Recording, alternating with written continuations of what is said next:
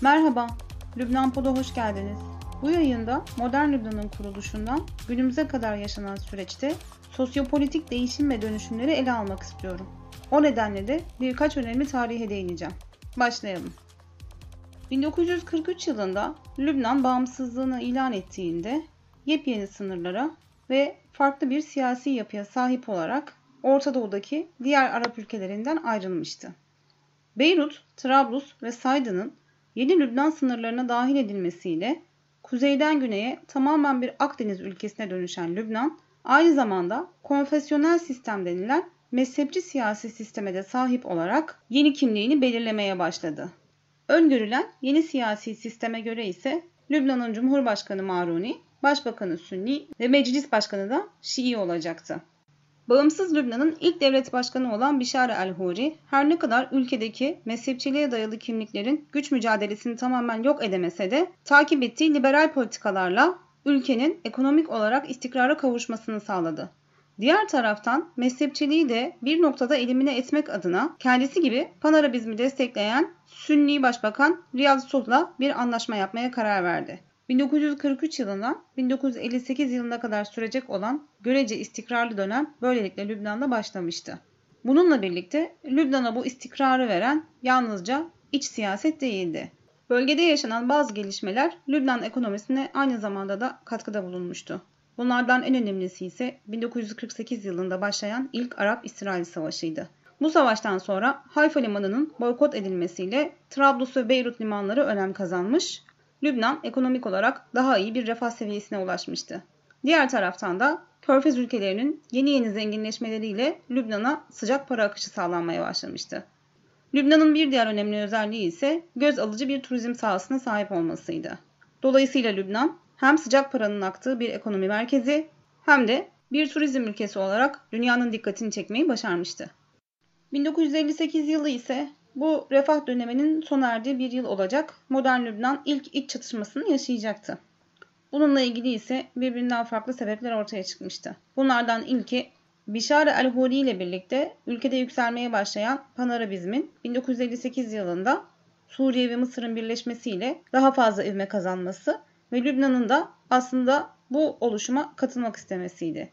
Bir diğer sebep ise 1948'deki Arap-İsrail Savaşı'ndan sonra topraklarından sürülen Filistinlilerin en yakın ülke olarak Lübnan'a doğru göç etmeye başlamalarıydı.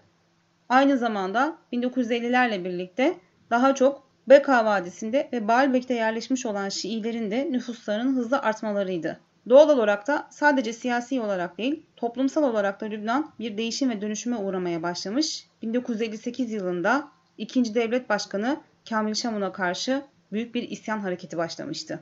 Bu isyan hareketinin sonunda ise bir yıl önce Eisenhower doktrinin kabul edilmesi çerçevesinde Amerikan askerleri Lübnan'a girmeye başladı.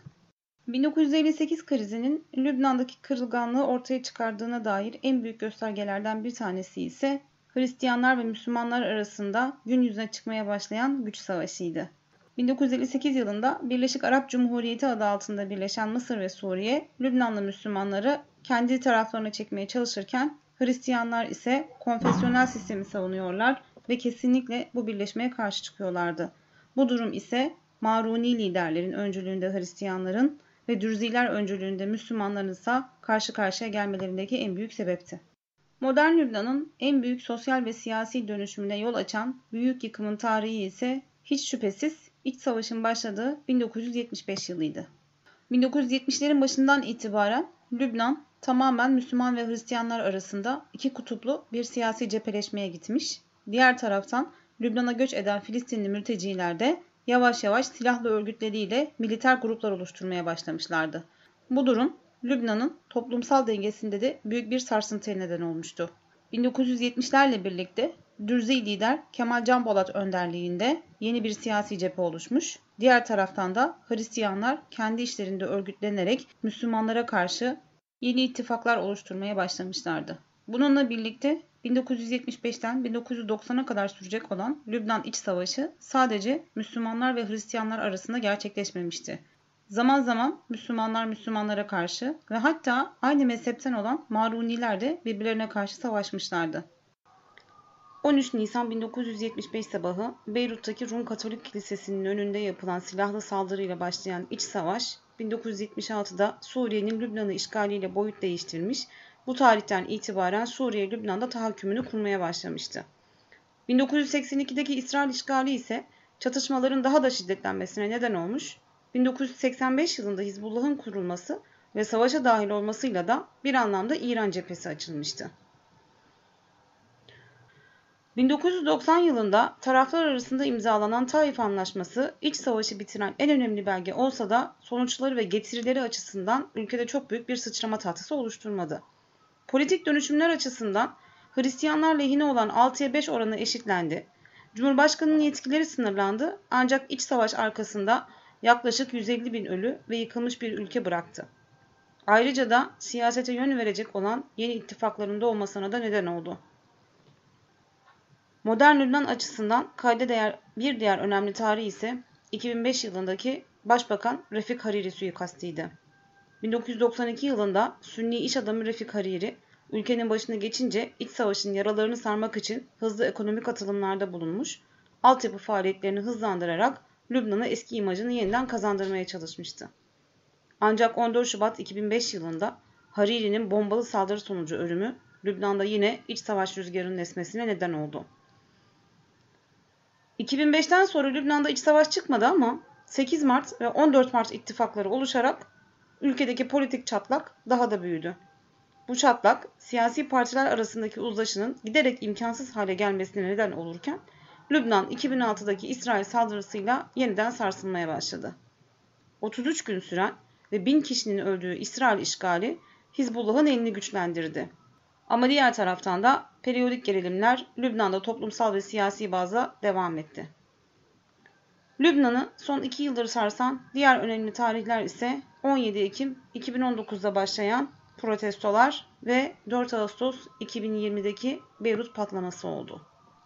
17 Ekim 2019'da devletin WhatsApp uygulamasına koyduğu 6 dolarlık vergiyi protesto etmek için sokağa dökülen Lübnanlılar bir anda geniş kitlelere ulaşarak ülke çapında büyük bir ayaklanma başlattılar. Lübnanlılar çok organize olmasalar da mezhep çizgisinden sıyrılarak bir birliğe ulaşmışlar. Hükümet sisteminin değişimi, daha adil bir yönetim ve yolsuzlukların ortaya çıkarılması çağrısında bulunarak daha refah bir yaşama kavuşma arzusunu dile getirmeye başlamışlardı. Ancak İbre Lübnanlıların aleyhine dönmüş, 17 Ekim'de başlayan protestolar Lübnan'ı çok daha büyük bir ekonomik ve siyasi krizin içine sokmuştu. Bunun nedenlerinden biri ise yeni başbakan Hasan Diab'ın ilk defa ülkenin 1 milyar dolara aşan dış borcunu ödeyemediğini ilan etmesi oldu. Siyasi partiler arasında devam eden diplomatik krizler ülkeyi neredeyse iç savaş yıllarına geri götürmüştü. Tüm bunların üzerine 4 Ağustos 2020'de Beyrut limanında gerçekleşen büyük patlama ise ülkenin tam anlamıyla ekonomik ve siyasi iflasının ilan etmesine neden oldu. Beyrut patlaması 200 kişinin ölümüne 5000'den fazla kişinin de yaralanmasına neden olmuştu. Üzerinden yaklaşık bir yıl geçmesine rağmen Beyrut patlaması ile ilgili henüz hala somut bir adım atılabilmiş değil. Bütün bunların üzerine patlamadan hemen sonra Hasan Diab hükümetinin istifa etmesi ve 9 aydır hala yeni bir hükümetin kurulamamış olması yeni siyasi krizlerin Lübnan'daki habercisi olmaya başladı. Lübnan'da şu an ekonomik kriz büyük ölçüde devam etmekte. Ülkenin henüz bir hükümete sahip olmamasından dolayı da siyasi kriz ciddi boyutlara ulaşmış durumda. Lübnan'da hükümet kurma çalışmaları hala devam ediyor.